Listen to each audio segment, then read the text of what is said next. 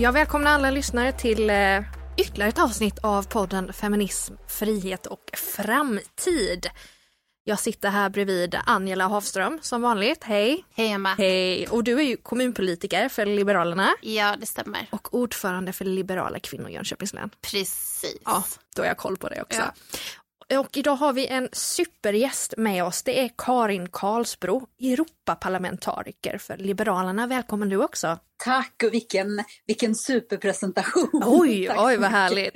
Och jag som pratade. att vara här. Ja, vad kul, vad kul. Vi hoppas att vi ska ha en jättetrevlig stund här. Och jag som pratar, det är som vanligt Emma Krantz. Mm -hmm. Alltså vi är väldigt nyfikna på dig Karin. Kan inte du bara berätta lite om dig själv? Eh, hur du hamnar i EU, eller vi förstår ju hur du hamnar i EU med, med, med röstning. Men eh, vad du gör där och din roll.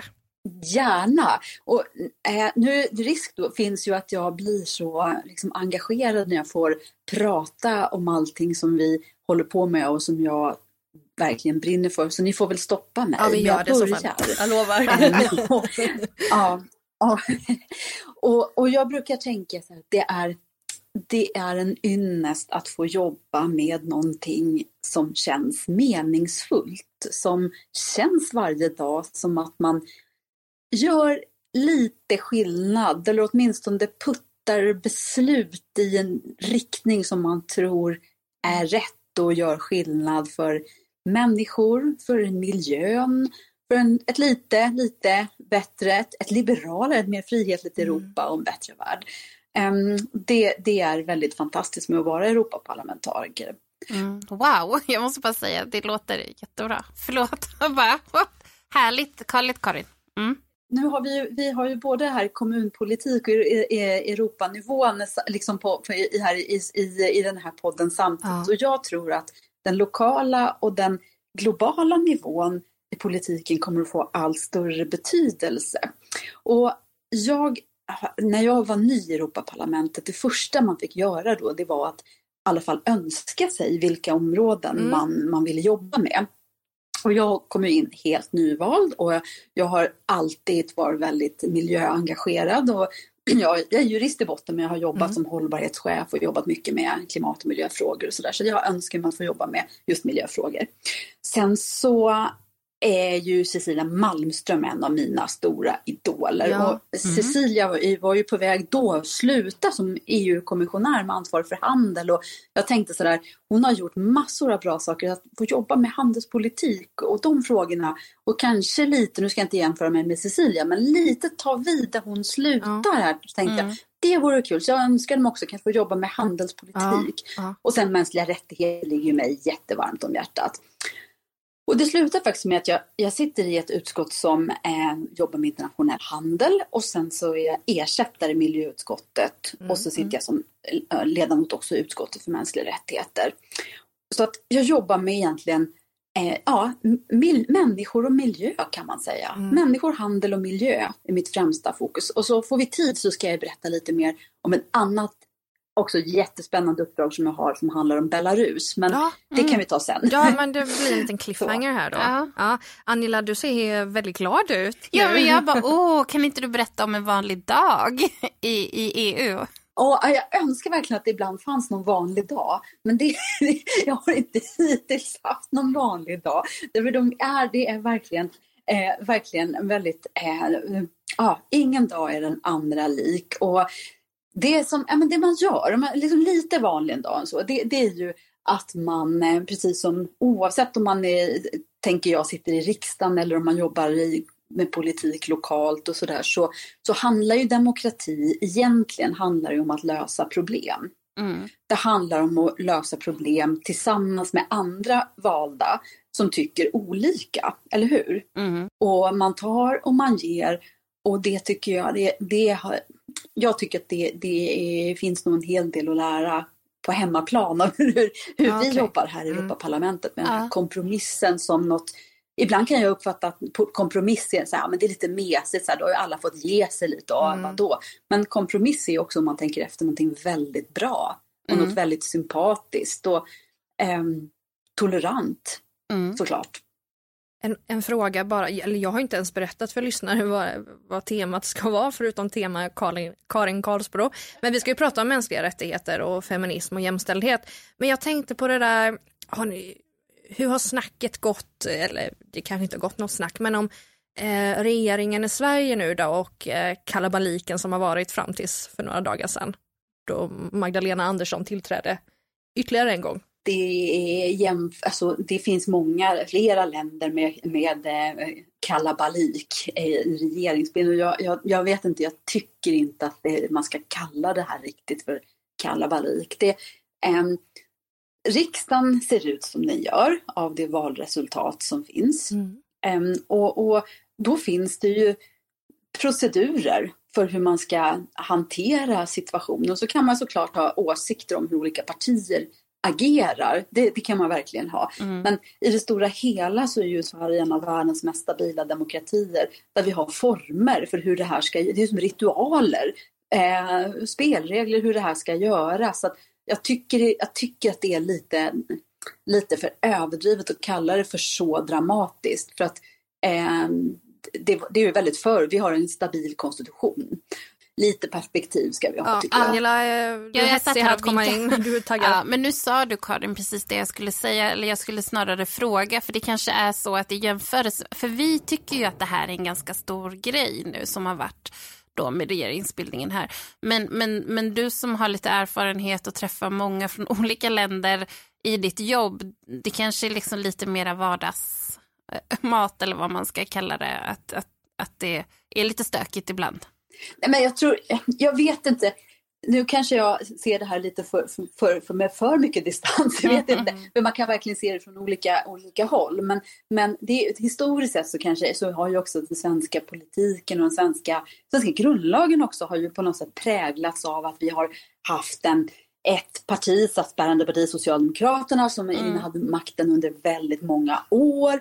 Och, mm. och liksom det har format hur vi kanske ser på hur regeringsbildningar ska gå till och vad vi är vana vid. Mm. Och eh, sen så, så, så skrivs ju under senare åren har det skrivits ny historia och vi har haft maktskiften ofta, vilket jag tycker är bra. Jag var själv med när och jobbade för Nyamko Sabuni, den första eh, alliansregeringen. Och, och, och, det är liksom att, att, att, att, att det inte är så självklart att hela tiden en sida vinner som nästan har varit under decennier i Sverige. Det, det är ju osunt. Så att, att mm. men, men nu är det parlamentariska läget som det är och mm. då är det såklart då är det inte så att det, det, är en självklar, liksom, vad ska man säga, vinnare fel uttryck, men att, att man kan helt förutsäga vad som ska hända. Och, och parlament, det är parlamentet som måste, det är där man måste ha sitt stöd och förtroende och varje röst räknas och, och så vidare. Så jag, tycker, jag tycker man ska också vara lite, lite försiktig med att kalla det för, för liksom prata ner den här situationen. Mm. Därför att vi har ju spelregler. Det är demokratiska spelregler som, som också hjälper oss att ta oss igenom sådana här situationer. Sen, men sen ställer det som alltid, det ställer tycker jag ansvar på partierna, på, på, på, alla politiska partier hur man, hur man hanterar situationen och hur man Eh, också, också ledningarna från de politiska partierna. Var, var, det, det, det, krävs ett gemensamt ansvar. Och ska vi vårda demokratin behöver alla ta det ansvaret. Det är väl liksom en annan ingång i. För att om det, om det, om det upplevs liksom oseriöst och man, man uh, agerar på sätt som är oförutsägbart och oberäkneligt eller vad man ska säga så är det klart att, att sånt sån tror jag inte uppskattas av väljarna. Nej. Nej, jag tänkte väl just där på den, den första Frihet tiden. och ansvar. Ja, mm. ja, precis. Det är fina ord. Men jag tänkte när Magdalena avgick efter sju timmar eller sju och en halv där. Eh, det blev ju lite nyheter vet jag runt om i världen, mm. BBC News och annat. Men vi går vidare, vi går vidare. Mm. Eh, du berättade tidigare Karin att du är ledamot i utskottet där för mänskliga rättigheter. Eh, kan du berätta lite mer om ert uppdrag och hur det ser ut där? Ja men absolut. Vi, vi jobbar med eh, mänskliga rättigheter i, i relation till länder utanför EU. Sen finns ett annat utskott som jobbar med mänskliga rättigheter och den typen av frågor mm. internt i EU. Men det, det är väldigt eh, det känns väldigt meningsfullt att jobba med de frågorna för att det är också en viktig del av EUs utrikespolitik. Och att man kan undra så här, ja men EUs utrikespolitik, alltså, det, är ju, det, det, är inte så att eh, medlemsländerna fortsätter ju ha nationell utrikespolitik, men och som jag, och själv skulle jag gärna se att EU hade mer av gemensam utrikespolitik. Men man kan ju undra, så här, spelar det någon roll det man gör och vad gör vi? Ja, men en sak vi har gjort i utskottet är att granska mänskliga rättigheter i olika delar av världen. Till exempel lyft väldigt starkt eh, brotten mot mänskliga rättigheter i Kina. Mm. Och inte minst när det gäller Xinjiang-provinsen där det förekommer tvångsarbete, slavarbete, mm. otroliga brott mot, mot mänskliga rättigheter.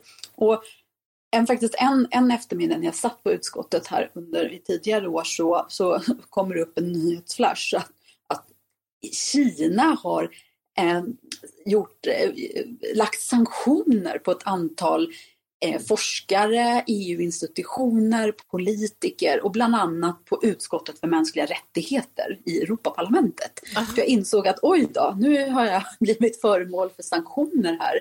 Vad har jag gjort nu? Ja, men det var ju för att vi har kritiserat Kina så hårt som man reagerade på det och så har EU också sanktionerat eh, vissa tjänstemän med ansvar för de här brotten eh, tidigare och så, så, det var en motreaktion från Kina. Och mm. Ja, världens eh, diktatorer, eh, auktoritära ledare, de är väl då uppenbarligen ändå känsliga för den här kritiken. Mm. Så jag mm. tänker att något rätt har man gjort när man har fått hamnat på en sån lista för att man kritiserar mm. eh, bristen på mänskliga rättigheter och så. Mm. Och det, det, visar väl liksom att, att EUs röst är, eh, är relevant och, mm. och, viktig. Vet vi något mer nyligen om den här provinsen och hur, hur hur det har gått där. Men för jag tänker på ert arbete då, att, att vara en nagel i ögat är ju, är ju en sak, men har ert arbete vunnit framgång där någonstans? Nej, det är ju, det är ju fortsatt väldigt allvarligt läge mm, i. Kina när det gäller mänskliga rättigheter och vi, vi har ju också flera enskilda fall som vi följer med till exempel den svenska förläggaren Gui Minhai mm. som sitter frihetsberövad och eh, tyvärr så har det inte lett till något frigivande Nej. hittills ännu i år. Man hoppas ju varje dag på att det ska, att det ska ske mm. någon förändring och frisläppande men det, det är en, en dyster utveckling mm. och mm. jag tror att det här är någonting som vi uppmärksammar mycket mer också när vi, har en, vi lever i en global ekonomi och jag vet inte vad ni har för kläder på er. Kanske är det någonting som är tillverkat i Kina. Jag skulle nästan gissa det. Det har ja. vi alla på säkert i alla fall varje vecka har vi kläder som kommer från Kina. Vi, olika, ja, en stor del av de konsumentvaror som vi har har delvis eller helt ut, ursprung från, om ni tittar made in så, så ser ni ju det. Och, och då tror jag att den här dimensionen, både klimat och miljö och mänskliga rättigheter blir liksom en fråga för oss. Vem är det som har eh, tillverkat våra jeans och under vilka villkor? Och just nu håller vi också på att jobba med en, eller inom EU jobbas med en lagstiftning som ska göra så att lagstiftningen går ut på att eh, företag som eh, introducerar produkter på den inre marknaden, på EUs inre marknad, ska vara ansvariga för, ett fint begrepp, due diligence heter det, mm. eh, men ska vara ansvariga för att det inte har förekommit brott mot mänskliga rättigheter eller mm. allvarliga miljöbrott i i, värde, eh, i värdekedjan. Och, och, det är ju en, en, en, helt ny lagstiftning och jag tycker det är väldigt bra och ställer mig mm. bakom den. Eh, och eh, vi, som, vi gillar ju handel, vi gillar ju verkligen frihandel. Men, men vi vill ju också försäkra oss om att det inte det är så att vi eh, handlar billiga varor som är tillverkade till priset av att människors mänskliga rättigheter har kränkts. Men hur togs den här emot och när var det som den trädde i kraft? Eller den är på väg? Nej, den har inte trätt i kraft än. Den håller på, ja, den, den, den, eh, den har, skulle kanske egentligen redan ha kommit men, eller skulle, det, men har blivit, har blivit försenad eh, lite därför det är en ganska svår lagstiftning att ta fram för EU-kommissionen mm. som, som jobbar med den. Men parlamentet, vi har i olika sammanhang uttalat oss, eller majoriteten med röstat fram en position att vi är positiva till en sån här lagstiftning. Och jag håller på, bara som ett exempel, jag ska inte berätta om alla detaljer jag gör, eller det här är ingen detalj, men jag, jag jobbar med en annan lagstiftning som handlar om att få eh, hållbara batterier. Och mm.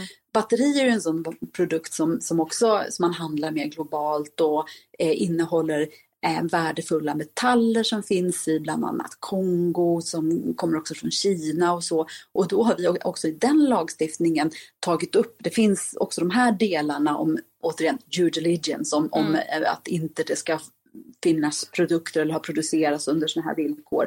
Så att jag satt och förhandlade de här frågorna senast idag på förmiddagen om hur vi ska formulera oss kring det här. För det är vi vet ju mål för vad vi vill, men det gäller också att formulera lagstiftning på ett sätt så att den blir effektiv, så att den fungerar. Och, ja, lite jämfört med riksdagen så är Europaparlamentet, här jobbar vi mer, som enskild ledamot så jobbar man mycket mer med själva en lagtexterna och formulerar och skriver om. Det är lite, lite mm i, i, Sverige så, så har liksom, man jobbar lite annorlunda med mm. propositioner, lagförslag från regeringen, men här, här jobbar vi lite mer operativt som ledamot med själva lagstiftningen också. Och, och så det, är, det är väldigt spännande. Om jag får inflika här bara som kommunpolitiker och det kanske är ännu mer så i riksdagen, men, men i, här i kommunpolitiken så känner jag ju liksom ganska så ofta frustration för att jag skulle gärna vilja vara mer operativ.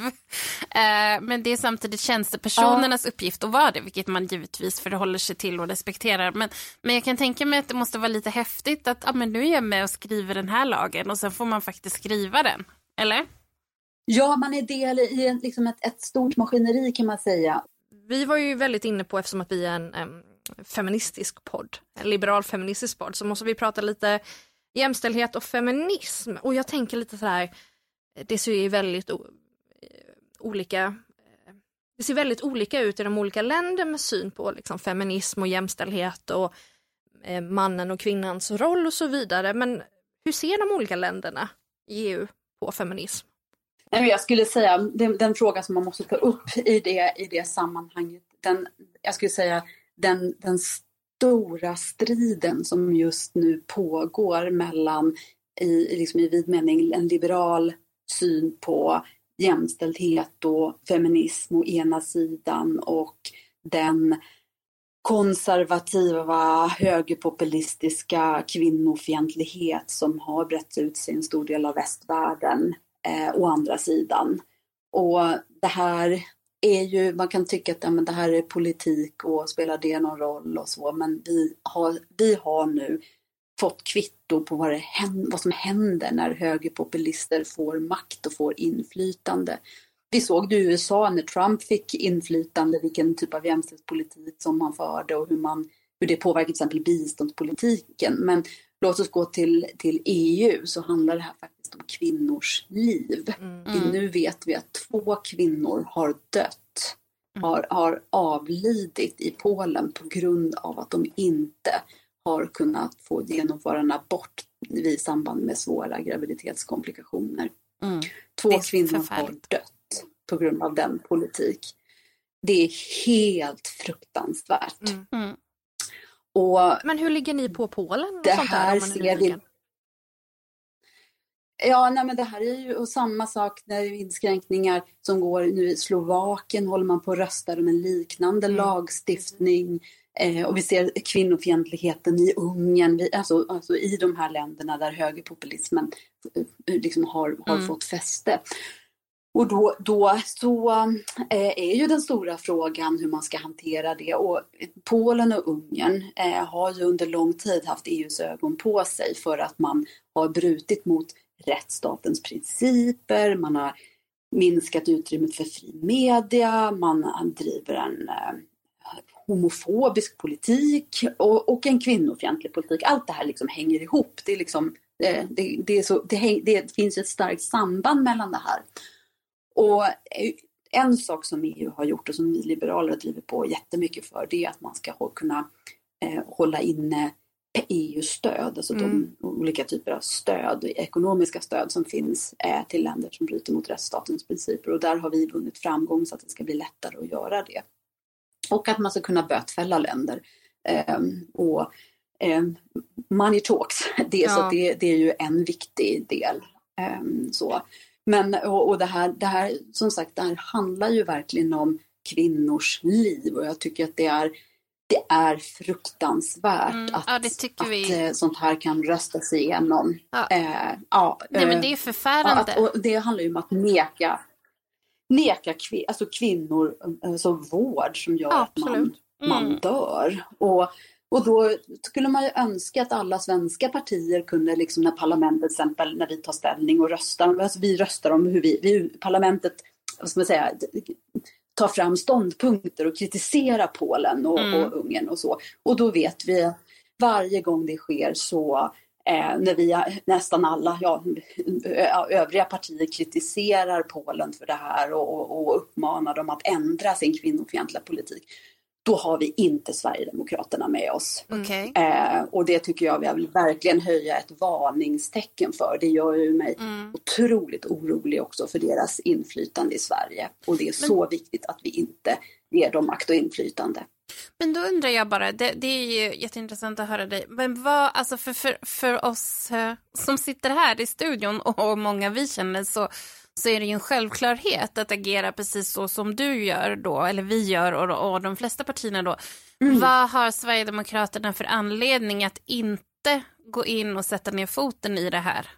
Här i Europaparlamentet så ser vi, ser vi ju en, eh, precis, Europaparlamentet är ju en ett, ger ju en väldigt bra bild av Europas politiska karta och mm. den här eh, eh, kampen som pågår mellan högerpopulism och i vid mening liberalism, den, den, den utspelar sig varje gång vi röstar. Mm. Och när vi röstar om frågor om hbtq-personers rättigheter, när vi fördömer Polens homofobi, när vi fördömer mm. inskränkningar mm. i aborträtten, då blir det här, då, blir, då får vi kvitton på var partierna står. Och det finns ju, det finns ju många högerpopulistiska eh, partier runt om i Europa idag och vi mm. har också ett svenskt parti, Sverigedemokraterna, som inte som konsekvent vägrar att ställa sig bakom kvinnors rättigheter, vägrar att ta strid mot Polens homofobi och de här sakerna som handlar i grunden om mänskliga rättigheter. Och det eh, tycker jag är viktigt att, att, att lyfta, att den, den striden pågår och mm. ytterst har vi nu tyvärr det här året sett att konsekvenserna handlar om liv och död. Abortförbudet i Polen eh, har ju lett till, precis som vi liberaler varnade för, mm. eh, liberala gruppen har varit väldigt aktiv om det, att det här mm. kommer ju leda till att kvinnor inte får den vård de behöver. Och nu har vi sett två kvinnor har mist livet och dessutom nu är nästa steg som regeringen i Polen har lagt, det är att man ska införa ett ehm, ehm, ett, man kallar det för ett eh, graviditetsregister för att också spåra kvinnor då som är gravida. Eh, och det här, alltså genomförs det här så är det, det är extremt farligt. Det är livsfarligt för kvinnor. Och likadant har vi de här HBTQ, de man kallar det för hbtq-fria zoner i Polen. Alltså hur kan det här få fortsätta? För att jag vet att ni, ni ändå det här med att man ska få straff och man ska betala om man är talks. Men de fortsätter ju ändå, de har väl inte blivit straffade ännu och liksom de är fortfarande kvar i EU fast att de håller på så här. Ja, nej men så här, jag, jag tycker ändå att det här att, vi, att man ska dra in medel, det börjar få effekt. Och det, det är faktiskt ändå man måste alltid vara optimist och se sakers möjligheter. Och när det gäller de här, jag kallar det för homofobzoner för jag tycker att det är så osmakligt att säga något annat. Man måste kalla saker vid dess rätta namn.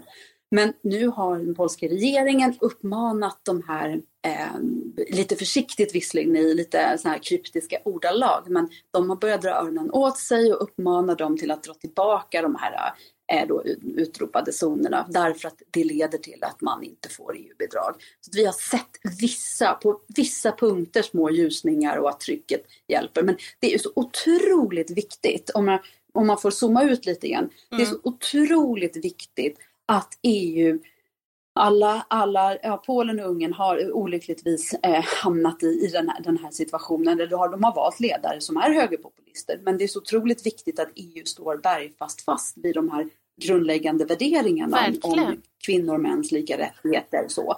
Och, eh, du också tog upp det här, ska man inte kasta ut dem och så? Jag tycker Ja, men det finns väl liksom såklart en gräns. Man måste, man måste leva upp till demokrati man är medlem i EU. Men samtidigt ska man komma ihåg att i de här länderna finns ändå fortfarande en, en opposition. Vi har, vi har ledamöter eller kollegor från Polen som, som är, är starka, som är jättebra och så. Mm. Och jag tycker att så länge det finns en opposition så är det också att svika dem. Ja. jag pratar väldigt mycket med dem hur de ser på det här och, och, och så. De, de, de har, ja, så att det är också en aspekt. Liksom. Men sen är ju också frågan då, eh, hur mycket kan man inskränka på varje nations eh, suveränitet också? Liksom? För som du säger, det, det är folkvalt och... Eh... Men en sån, en sån taskig kvinnosyn som de har, då tycker jag faktiskt man kan göra ganska mycket inskränkningar. Eller har jag fel där? Alltså, för jag tycker att det strider ju mot mänskliga rättigheter. Ja, och mänskliga rättigheter, om vi går tillbaka lite, det är ju någonting som är universellt. Och det är liksom alla kvinnor i hela världen, alla kvinnor och män i hela världen, att alla människor har, har lika rättigheter. Och när man, det, det finns ju grejer som vi, vi kan tycka lite olika om hur ja, ja, det finns ju vilket skolsystem vi ska ha. Vi ska, vi, det finns massor av saker som EU inte ska bestämma eller som varje kommun. Som, liksom, eller hur? Det finns ju uh. massa saker som man bestämmer bäst på lokal plan eller sådär. Men jag tänker så här grundläggande saker som att man har yttrandefrihet, eh, att kvinnor och män har lika rättigheter. Det är verkligen de grundläggande mänskliga rättigheterna. Det kan man ju inte kompromissa om. Det är ju, inte, det är ju liksom ramarna för demokratin. Mm. Ja, men det är det som vi tycker att det, det känns lite som att det är vissa länder som gör den. Alltså både då Ungern och Polen och nu sa du Tjeckien också är på gång åt samma håll. Ja, så finns det, sen finns det ju politiker i andra länder också som, har, eh, som, som driver, men, men Slovakiens parlament har de senaste veckorna röstat om ett, liksom bordlagt gång på gång ett lagförslag som i princip också inskränker aborträtten på samma sätt som i Polen. Mm. Förfärligt. Och där, men jag tror att där har, man, har inte, man har inte fått majoritet för den, för det har också varit väldigt mycket protester i, eh, i Europaparlamentet och, och vi har, mm. många av oss har engagerat väldigt mycket där och det, de protesterna har tydligen också fått fått, lite, fått några, tillräckligt många ledamöter i, i parlamentet att, att inte stödja det här än så länge, säger, säger mina slovakiska kollegor. Så vad, jag, vad jag vill säga är liksom att den här, den, i den här, jag, jag upplever i alla fall att i den här Ja, men så här, det är verkligen en kamp för kvinnors rättigheter på ett mm. sätt som man inte trodde skulle behövas eh, 2021. I, så, så, så, så känns det väldigt viktigt och jag vet att det gör skillnad det som, som, som vi, vi som står upp för liberala värderingar och jämställdhet vi driver mot mm. de här högerpopulistiska krafterna. Och det här, man måste få upp det här på ytan, man måste sätta ljuset på det. Man måste mm. liksom avslöja det. Det kan inte bara få fortsätta. Det är jätteviktigt. Och sen är det också jätteviktigt att, tycker jag, att hålla dem borta från makten. Och, Uh, men du, du lyfter det här, jag måste bara få fråga det här. Alltså, eller vad, vad säger du om dem? För vi har ju faktiskt också ett val i Sverige nästa år. Uh, och, och, och, vad säger du? För nu har det ju blivit på det sättet att, att vissa partier har ju närmat sig Sverigedemokraterna mer då så att säga. Och, och då så är det ju försvaret för det är ju mm, till viss del kanske så ja men man kan inte ha beröringsskräck och man måste diskutera om det här och det finns olika områden som man kan ha, eller det är ämnen där man kan ha, man, man kan tycka samma. Det betyder inte att man, man ruckar på sina egna ideologiska värderingar. Hur, hur känner du inför liksom, det pratet om man säger?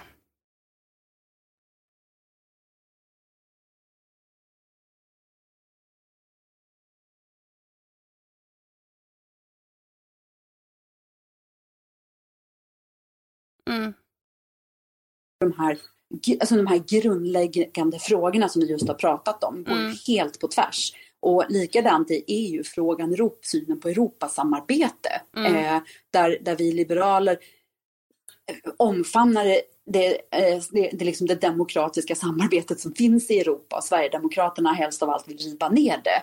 Um, och jag ser också, eftersom jag jobbar mycket med klimatfrågor, så ser jag ju där liksom hur hur vi kämpar för att, som jag berättade tidigare, liksom försöker, eh, EU, EU försöker ta ett ledarskap i klimatfrågan, driva på världen, designa ny klimatpolitik, eh, driva på. Och det här, det här liksom röstar ja, Sverigedemokraterna mot varenda gång, hela tiden. Så att, eh, Sen är det klart att precis som med alla partier och det, det märker man ju också här att ibland så tycker man lika om sakfrågor i, i med alla partier så, och det är ju ingen överraskning. Det är ju samma sak i en kommun och mm. att man kan att tycka lika om, om ja, man kan tycka lika om kärnkraft, man kan tycka lika om ett vägbygge som alla partier. Mm. Man kan tycka, eller hur? Det, ja, det skulle absolut. vara konstigt om det inte var så. Så jag tycker det är mm.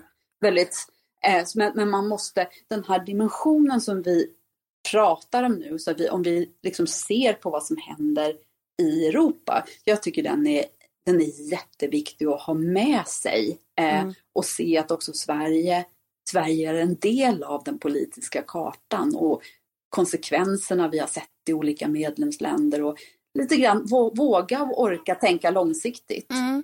Men jag tänker, nu, nu är jag dålig på siffror, men hur många var det som röstade på Sverigedemokraterna? Nu bara, vi bara pratar om ett annat parti, vi ska prata om Liberalerna här, men det här var lite intressant.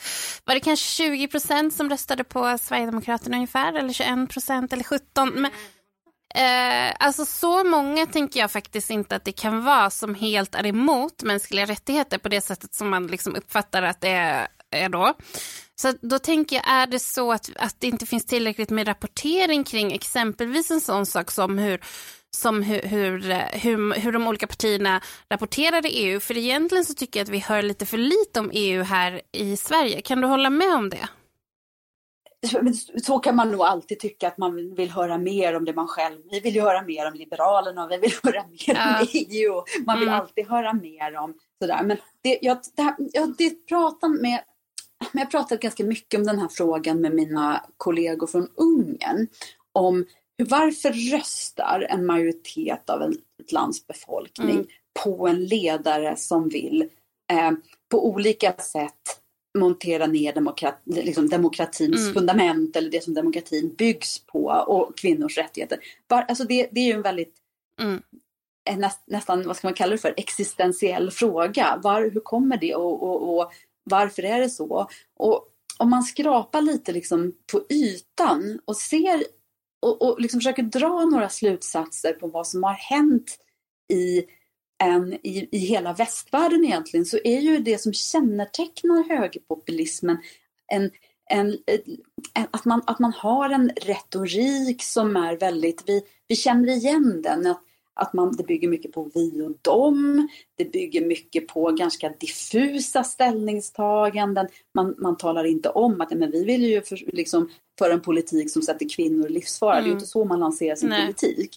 Utan det finns, det finns, en, det finns, det är ju det som, som gör att det här är ganska svårt att sätta ord på. Det blir lätt otydligt vad, vad man menar. Men, men det finns ju ett mönster för hur den här typen av partier agerar och det kan vara ganska, eller det är ju väldigt framgångsrikt och det är det som är också svårt att bemöta. Och, och så. så att man, det här, jag tycker att det här är viktigt att, att, att, prata om och vända och vrida på. För jag tror inte det handlar bara om liksom att rapportera utan det, det ligger djupare än så. Men jag tycker det är viktigt då, det, det som jag tycker man kan göra och eh, när vi idag 2021 ser konsekvenserna konkret av den här typen av politik. Mm. Eh, man ska komma ihåg att Sverigedemokraterna sitter i samma partigrupp som det, det polska regeringspartiet. Yes. Eh, så får det konsekvenser. Alltså vissa vill montera ner demokratin och att de får väljare på det bygger ju någonstans också på att eh, den ena eller den enskilda individen har inte sett fördelen med den demokrati som har förts. Mm, du menar liksom att vi liberaler och andra partier inte har kunnat nå fram med våra budskap tillräckligt? Till exempel i Polen eller sådär. Därför ja. får man ju, får ju andra röster. Ja men, ja, men samtidigt också då det som du var inne på Karin, just det här med retoriken, alltså att vältaliga retoriker kan liksom egentligen komma hur långt som helst. Ja, Ja, men det skrivs ju ganska mycket om det här, den politiska utvecklingen som sker och så. Det finns ju inte någon som kan säga att det här är facit på varför det har blivit så här och, och hur det hänger ihop och så. Utan, men jag tycker att det är, vi lever ju mitt i det och man måste ändå liksom, ja men, men se Se, se mönster och jag som liberal, som demokrat och som liberal, så det, det som jag känner att, att jag eh, kan göra för att stärka och jobba för demokratin och, och jämställdhet, mänskliga rättigheter, det som, som, det som temat för vår diskussion är, det är att vara eh, klar och, och eh, högljudd och eh, aktiv mm. i de här frågorna. För att men demokratin, om man ser lite historiskt här, demokratin är ju någonting man har kämpat för. Mm. Och den, den, kommer liksom inte, jämställdhet kommer inte av sig själv. Det händer inte bara. Och det finns uppenbarligen krafter som vill eh, skruva, dra utvecklingen tillbaka. Eh, och då gäller det att man försvarar det som man har vunnit, till exempel när det gäller aborträtten. du hade ju läst en eh, Ja. Väldigt intressant rapport, jag har ju också gjort det, men kan du berätta lite kort om mm. det? Ja, men det var ju så här att för några veckor sedan så kom det en rapport som har gjorts äh, av Örebro universitet just utifrån äh, covid och på det sättet som kv kvinnor inom EU har missgynnats inom en massa olika områden, egentligen inom alla områden. Äh, det här projektet då, Resistere, eh, som syftar till att ge kunskap för en mer jämlik återhämtning efter pandemin. Nu kan man ju för, sig, för det första fråga om vi verkligen är efter pandemin eller om vi är mitt inne i pandemin. Men vill du berätta, du, du känner till den eh, rapporten tänker jag, Karin? Jag har inte hunnit läsa den än, men, men det kommer ju många, många liknande... Eh, det har ju kommit under, under pandemin många indikationer på hur eh, kvinnor påverkas och i, i en del avseenden att drabbas av eh, pandemin och, och pandemins konse sociala konsekvenser. Och det handlar ju allt ifrån att eh, våld mot kvinnor har ökat. Det har handlat om kvinnors eh, arbetstillfällen. Eh, arbetsmarknaden ser olika ut fortfarande för, för kvinnor och män. Och eh, när det gäller alltså, jämst de jämställdhetspolitiska eh, frågorna så, så, tycker jag det, det är ganska, inte så förvånande att, att man kan se skillnader. Och det är ju en, jätteviktigt nu när man återstartar så att man inte bara, som jag brukar säga, att vi ska inte bara gå tillbaka till det normala utan sikta högre. Mm. Och mm. det finns, även om jämställdhetspolitiken är ju en fråga för nationella nivån, en hel del också på, på kommunal nivå, eh, tänker jag, där skola, vård och, och, och omsorg eh, liksom beslutas och så. Men på EU-nivå så kan man absolut göra mycket, mycket mer. Det handlar om att se till att olika eh, stimulanser och, och, och stödpaket efter covid eh, kommer kvinnor och män till lika, eh, till, ja, kommer både kvinnor och män till godo. Och eh, att man ställer, återigen, vi var inne på att ställa krav på medlemsländerna, men att, att medlemsländerna också för en politik som, som gynnar kvinnors eh, deltagande på arbetsmarknaden och stärker kvinnors roll mm. i, i ekonomin. Och, och tillbaka, jag skulle säga att eh, i de länder som nu Polen och Ungern som vi var inne på tidigare som, som driver då en konservativ eh, politik med eh, att kvinnor ska tillbaka till spisen och, och kvinnors mest grundläggande rättigheter är att bestämma över sin egen kropp inskränkt så blir naturligtvis det, ska man addera det till konsekvenserna av covid. Så att jag skulle säga att jämställdhetsfrågan är en akut fråga i hela EU idag. Mm. Ja men så är det. Men just här kunde man också se att de här politiska besluten har mest varit inriktade på att skydda invånare med säkra jobb, högre utbildning och högre inkomster. Det tycker jag låter ganska så förfärligt faktiskt. Att, och då pratar vi ju inte bara om kvinnor utan liksom om alla. Eh, att de som är mest utsatta har fortsatt att vara mest utsatta och då gäller det även de här olika åtgärdsprogrammen då som, som regeringarna har kommit med. Varför tror du att det har blivit så, Karin? Nej, men jag tror att covid-situationen har ju eh, den, blottlägger, den, den, den, sårbara situation vi befinner oss nu, den blottlägger de problem som redan finns i samhället. Där de som eh, är socialt utsatta eh, blir naturligtvis ändå mer sårbara. De socioekonomiska eh, skillnaderna i medlemsländerna, eh, även inom medlemsländer, inte bara att i hela EU utan också inom olika delar av, av länder, det, blir, eh, det riskerar att bli allt mer synligt. Och, eh, och, och det värsta som skulle kunna hända totalt sett och på liksom lång sikt, det är om covid, hela, hela den här situationen med pandemin skulle dra ner EU i en djup ekonomisk kris med en, en, en, en enormt stor arbetslöshet som, som permanentas. Mm. Det är ju det som man har varit livrädd för, ah. att, att det skulle ske.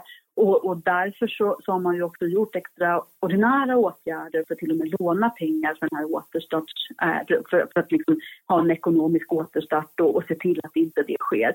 Och hade vi sett en, en sån, som, som man var, var rädd för inledningsvis, en, en sån krasch, ekonomisk krasch i södra Europa, då hade det dragit med Tyskland eh, och då hade det i sin tur dragit med Sverige och då hade vi, ja vi vet liksom idag vilka enorma eh, ekonomiska och inte minst sociala konsekvenser finanskrisen hade eh, 2008, eh, 2009 och, och det vill, har vi till, till varje pris velat undvika. Sen är det här är ju oerhört intressant och, och, och att det behöver tas med och, och eh, när man återstartar göra de regelverk kring det som, som gynnar tillväxt, gynnar en, en eh, social jämlikhet. Eh, vi ställer också ställs allt högre krav på att satsningarna ska vara klimatsäkrade och så. Så det är ju eh, viktig kunskap att ha med sig.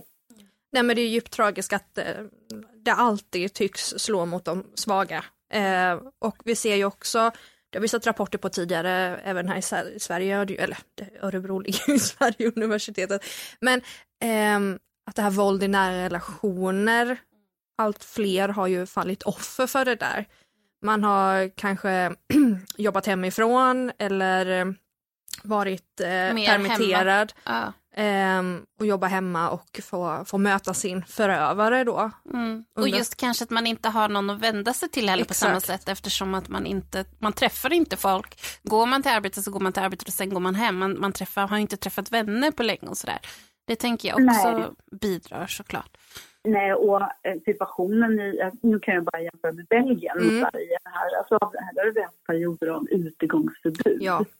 Um, och det är jag tycker att det har varit som att växla mellan två världar mm. faktiskt. Um, och nu ser vi ytterligare, det, det, nu sker ju stegvis blir det skarpare restriktioner här i, i Belgien nu senaste veckan. Och eh, det, det, känns verkligen i, i, luften, det är ett allvar i luften som inte, det, det är en helt annan, annan stämning när man, när man kommer till Sverige sen. Och Ehm, människor har, har jobbat, jobbat hemma med väldigt starka restriktioner, skolor var stängda. Alltså det, det är på, på en helt annan nivå än vad vi har upplevt i Sverige.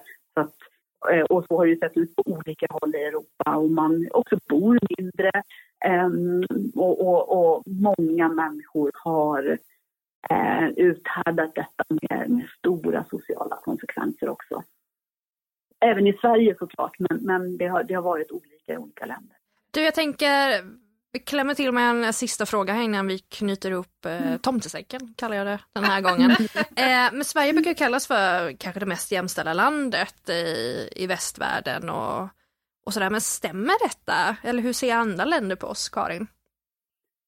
Jag tror att många länder genom åren har tittat på Sverige när det gäller vår föräldraförsäkring och mm. vår utbyggnad av förskolan. Mm. Och nu är ju eh, en kvinna som heter Ursula von der Leyen. Ja. Hon är ordförande i EU-kommissionen, Europas mäktigaste kvinna. Jag har faktiskt träffat henne eh, för ett antal år sedan eh, när hon var jämställdhetsminister och jag jobbade med Nyamko Sabuni när hon var jämställdhetsminister. Då träffade mm. vi Ursula von der Leyen. Och då var hon jätteintresserad och, och nyfiken på just den svenska förskolan och föräldraförsäkringen som omfattar både män och kvinnor. Och Tyskland hade ju, har ju fortfarande, men hade då ändå, ja, det var, var, var något som de verkligen ville ta tag i. Eh, det här med eh, liksom att många eh, många alltså, välutbildade kvinnor eh, inte ja, blir, blir hemmafruar finns ingen infrastruktur för, för eh, förskola, för, för, ja, för, för mm. att hantera jobb och familj för både mm. kvinnor och män på ett jämställt sätt. Så att hon inspirerades ju jättemycket av, av Sverige och sen har ju Tyskland tagit flera steg framåt för att eh, införa eh, med inspiration från Sverige reformera sin, eh, sin föräldrar, eh, familjepolitik och så. Eh, så Sverige har eh, ses absolut som, som föredöme i en del fall, men sen så tror jag, min känsla är att, att man eh, hittar bra exempel från olika länder och i vissa länder så är kvinnorna eh, jämställdheten bättre när det gäller näringsliv. Mm. Eh, goda exempel finns från, från, från flera håll. Och jag, jag, men nu är det verkligen min egen upplevelse från min ja. egen bubbla. Det beror på hur man mäter och hur men, man ser på det. Men ja, det, ja. Jag skulle säga att, att det är ändå eh, jag, jag, tror att vi, vi svenskar kanske ska vara lite ödmjuka och vi, vi, eh, det finns mycket gott som vi har, har eh, att, ja, idéer som vi kan inspirera andra men andra har kommit ikapp och ja. också mm eh, har egna styrkor ja. Men det tänker jag faktiskt också. Det har jag också tänkt lite. Jag tror att ibland kanske att vi har en övertro på hur bra vi är på jämställdhet. Det kan, även, för eftersom att vi, många av oss ser ju också att det finns liksom mer, fler områden att arbeta på här i Sverige. Men jag måste bara få säga när du sa det där om Tyskland, att de var så imponerade. Eh, faktiskt så 2006 så var, fick jag vara med i en nyhetsfilm som en tysk tv-kanal spelade in. De kom till Jönköping av någon anledning anledning och, och spelade in ett par olika familjer då där man hade delad föräldraledighet. För då hade min man tagit över och var hemma med vår ettårige son och de var så fascinerade av det. Och då tänker jag så det här 2006, det kanske var ungefär då du jobbade med Nyamko med det här, eller?